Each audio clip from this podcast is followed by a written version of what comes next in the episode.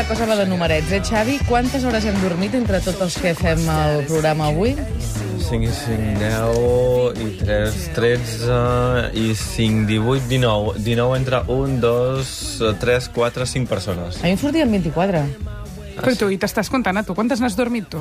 5. I 5, 10. I 5 la Mercè, És que no hem 15. dormit, estem una mica espessos. Quan plou fa més mandra anar a buscar el diari, però encara és més plaent tornar a casa i llegir-lo mentre veus ploure, com és el cas, per exemple.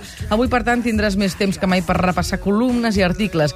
Quan plou, suspenem molts plans, i quan suspenem molts plans, se'ns presenta un matí lliure d'activitats com eh, aquest, que tenim avui, i per tant ens convertim en els més feliços del món. Xavi, Núria, bon dia. Bon dia. A veure, en el tercer lloc del podi. Li donem avui a Carlos González, aquest podi, el famós pediatre que entrevista en el suplement Presència i que, com sempre, no té pèls a la llengua. Critica que tinguem tant interès a portar els nens a la guarderia quan hi ha un cuidador per cada vuit nadons. Diu que no hi ha temps per donar biberons i canviar bolquers a tants nadons i que, en canvi, creiem que si portes el nen a la guarderia s'espavilarà, aprendrà a caminar abans, se socialitzarà... Explica com vols que se socialitzi amb set nens que tampoc parlen ni caminen. Diu que els nens se socialitzen a casa, amb els pares, quan els canten cançons i quan els expliquen els contes. Uh, també critica els que critiquen que hi ha mares que sempre tenen els nens agafats en braços, que porten els nens a coll. González diu que moltes vegades pensem que aquestes mm, persones són unes bledes, que sobreprotegeixen, que es deixen prendre el pèl, i diu, uh, mm, et diuen no l'agafis al coll perquè sempre voldrà estar a coll, mm. a, a coll, i González respon que això és una mentida. Diu que també és mentida que si dorms amb ells al teu llit, després no s'aniran al seu de llit. Mentida també. I es queixa que ara no s'expliquen contes. Diu que no, perquè ara és llei que l'has de deixar despert al llit, el nen. Sigui com sigui, sempre es diu que cada fill és un món, que no ens escoltem a la gent, que hem d'actuar amb sentit comú, que no fem cas, però ens escoltem a la gent, fem cas dels gurus, ens escoltem el que ens diuen els nostres pares, els pares dels altres, els amics i els coneguts. Els consells, quin gran tema. Per això avui parem màquines aquí i preguntem als oients, quin consell dels que us han donat us han ajudat a la vida? Ho hem penjat ja al Facebook i ens comencen a dir coses tan boniques com la Rosa mira sempre endavant, la Carme, quan no puguis parlar bé d'algú calla, és una inversió segura. En Pau aprèn a dubtar del que t'ensenyo, o la Carme, el que no vulguis per tu, no ho vulguis per ningú. Una variant molt efectiva, diu, del, i que ho està posant en pràctica amb la seva filla. Doncs avui us preguntem exactament això, eh? Quin consell dels que us han donat us han ajudat a la vida? Potser us el va donar un mestre, una mare, una germana, un amic, un desconegut pel carrer. Un dia us veu trobar una situació i us va donar un consell i en un moment de la vostra vida heu dit ostres, aquella frase que em va dir aquella persona, mira, ara l'aplicaré. Ja sabeu que teniu tres vies de comunicació per dir-nos el consell que us ha servit a la vostra vida durant tot el programa. De fet, fins a quarts d'una gairebé tindrem temps de parlar-ne. Teniu el telèfon del directe, el 93 207474, la nostra pàgina del Facebook, on, com deia la Núria, ja tenim penjat aquest comentari, per tant podeu afegir-hi el vostre, facebook.com barra el suplement, i evidentment el correu electrònic, suplement arroba catradio.cat. Us recordem que teniu fins a 12 quarts d'una per dir la vostra, després a aquella hora el Xavi i la Núria faran un recull de tot el que heu explicat i entre tots sortejarem un àpat per dues persones al restaurant Aliguer de Manresa.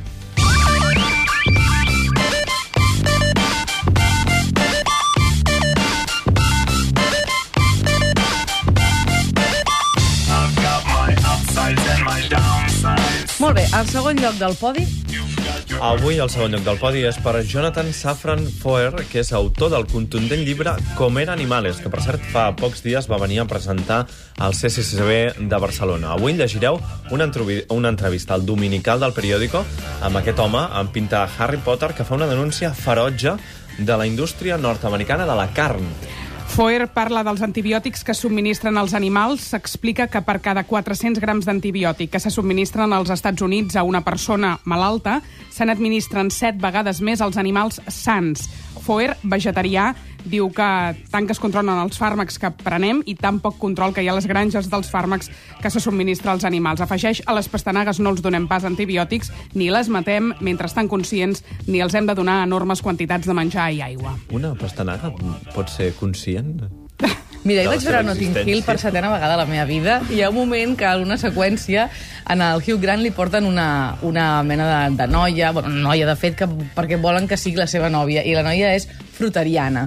I ell li pregunta, i què vol dir ser frutariana? Diu que nosaltres creiem que les fruites i les verdures tenen consciència. I aleshores el Hugh Grant li pregunta, per tant, aquestes pastanagues, ella fa, sí, van ser assassinades.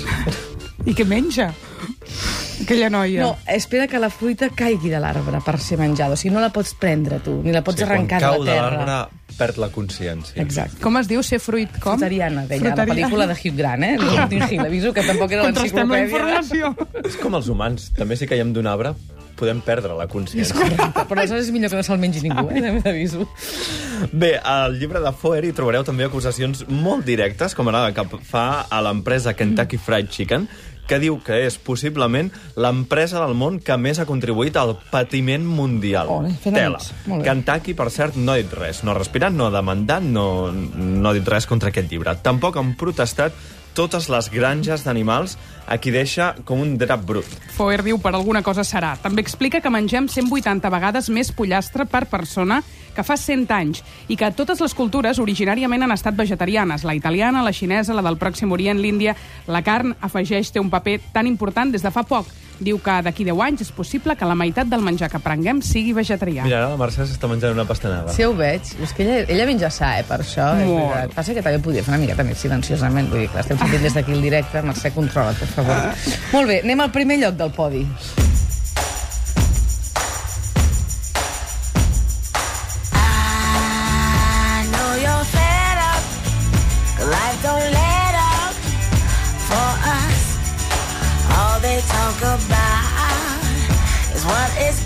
Els guapos també són lletjos, oh. es podria titular, però es titula El més lleig dels famosos en dues cares. És un reportatge que publica avui al magazín del Mundo. A partir del rostre de set famosos han creat dues cares, una de dona i una d'home. El que és més divertit és veure quins complexos tenen els famosos, què no els agrada del seu físic. Per exemple, a l'actor Alejandro Tous no li agraden les seves orelles. A la periodista Marta Fernández no li agraden les seves celles i, de fet, al reportatge diuen coincidim amb ella. Que això és, és demolidor, no, aquest això només ho pots dir tu. O reportatge. sigui, a la teva mare només t'hi pots posar Home, tu, saps? home, i que surti Doncs al igual, diari i tot, és que s'anirà a depilar avui mateix. A la Usun Yun no li agraden ni el nas ni la seva mandíbula, i en aquest cas el reportatge coincideix amb ella amb el primer. El reportatge tampoc els agrada el nas de la Usun Yun. I a Beatriz Montanyet diu que no li agrada el seu nas i el reportatge diu fet que explica i que l'allunya de la perfecció. Només el nas, eh, per això? Només el nas. I això, han agafat les pitjors parts de cadascun d'aquests famosos i han fet una foto d'home i una de dona que són lletjos. Poca broma, al reportatge s'explica que el 7% de la població té dismorfofòbia, és a dir, una preocupació angoixant, excessiva i persistent respecte a una part del seu cos. La forma del nas, les bosses de sota els ulls, les arrugues són les preocupacions més habituals, però el que provoca més sovint la dismorfofòbia és l'acné, la dermatitis seborreica, la psoriasi i les taques blanques i fosques. Una quarta part dels malalts de dismorfofòbia demanen tractament hospitalari. Dos terços tenen idees de suïcidi i una quarta part arriba a intentar-ho o a aconseguir-ho. I ara, canviem, perquè anem a veure qui ho està patant.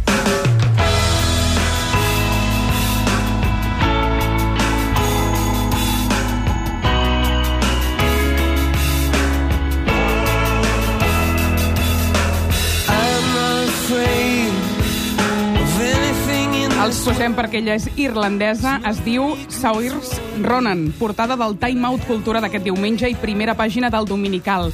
Té 17 anys i és el talent adolescent del moment a les pantalles de cinema. Aquesta noieta d'ulls blau cel va ser nominada a l'Oscar amb 13 anyets pel seu treball Expiació. Passen els anys i ja ha treballat amb Rachel Weisz, amb Michelle Pfeiffer i amb Catherine Zeta-Jones. Com es diu, Núria? No, oi, molt bé, com ningú sap pronunciar-ho ni no li No direm res. idea. Pots repetir? És que no ho repetiràs igual, oi? Clar que no.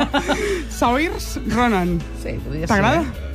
No sabem gaèlic. No ho sé. No sabem gaèlic. S-A-O-I-R-S-E. Com ho diries tu, Xavi? No, no, ni idea, jo de gaèlic no en sé. Ara té quatre pel·lícules al cap, la, aquesta senyora. La primera que s'estrena la setmana que ve és Hannah, això sí que ho sé dir, Hannah, on interpreta una assassina experta en arts marcials, tela.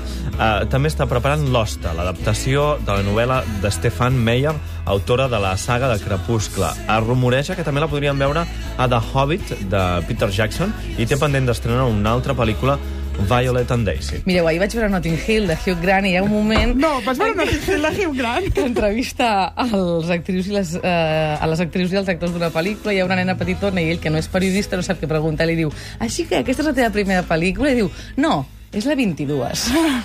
Doncs igual. En fi, exacte, com Igual, aquesta nena. sí, sí. Avui hem descobert Hem descobert un llibre apassionant, Cultura Mainstream, on com neixen els fenòmens de masses.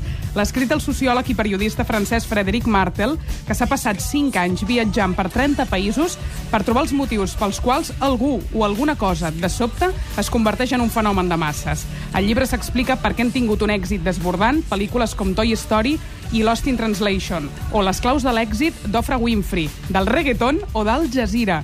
L'autor ha entrevistat 1.250 persones i ho ha resumit en 458 pàgines.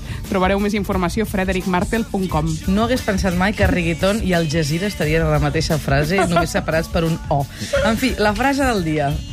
L'ha pronunciat el periodista John Sistiaga al País Semanal, diu A les guerres em cago de por. Per això estic viu. Tio prudent. La xifra del dia.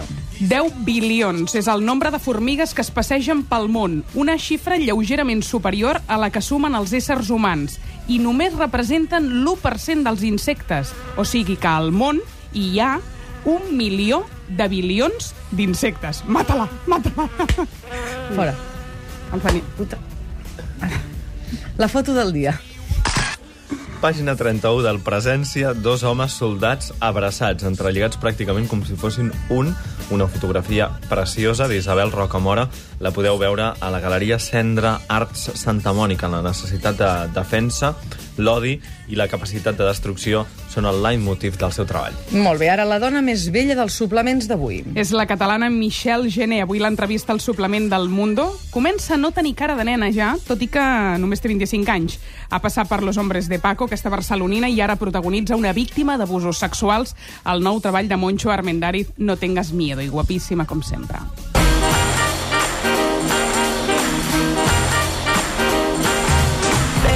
Abans d'acabar, si us sembla, i com és costum, anem a passejar pel basar a veure què trobem. Vols comentar alguna altra cosa a Notting Hill abans de... No, però una de les millors seqüències de la història No, del cinema sí. crec que Avui és... al magazín de La No, de Vanguardia... perdona, perdona, a la pel·lícula Notting Hill que vaig veure ahir... Mira, de perquè ets la presentadora, eh? Perquè això és intolerable. I aquell moment que passeja per Notting Hill, que van passar, va passant tot l'any, i vas veient a través del mercat de Portobello com canvien les estacions. Que bonica. Què, què expliques d'aquest basar? El magazín de La Vanguardia recomana un llibre que es diu Un país para comérselo, que és fruit del programa de televisió que han fet Imanol Arias i Juan Echanove i aporten bones idees per planificar les vacances sense oblidar les meravelles gastronòmiques de cada comunitat autònoma de l'Estat. Costa 24 euros amb 90. I l'opció del cost, avui un objecte de desig per les dones, ens l'ensenya el Time Out Cultura. Núria Brusosa i la seva germana han portat a Barcelona les bosses joia de Kenny Ma, molt apropiades per casaments i dies de festa. Són una mena de bomboneres, canyeres i un punt retro. Costen 90 euros. Doncs vinga, us recordem una vegada més la pregunta que farem avui durant tot el programa. Quin consell dels que us han donat, us han ajudat a la vida? El consell que us ha donat una mare, un pare, un mestre, una mestra, un amic, una cosina, un desconegut. Expliqueu-nos-ho a través de les tres vies de comunicació habituals. El telèfon del directe, el 932017474. La Mercè us agafarà nota i després us tornarà a trucar. A través del Facebook, facebook.com barra el suplement, o a través del correu electrònic suplement arroba catradio.cat. Entre tots els que ens expliqueu el consell que us ha servit a la vida, sortejarem un sopar o un dinar per dues persones al restaurant Aliguer de Manresa. Moltes gràcies, nois. Per cert, us he dit que ahir vaig veure... No. Era Pretty Woman, no?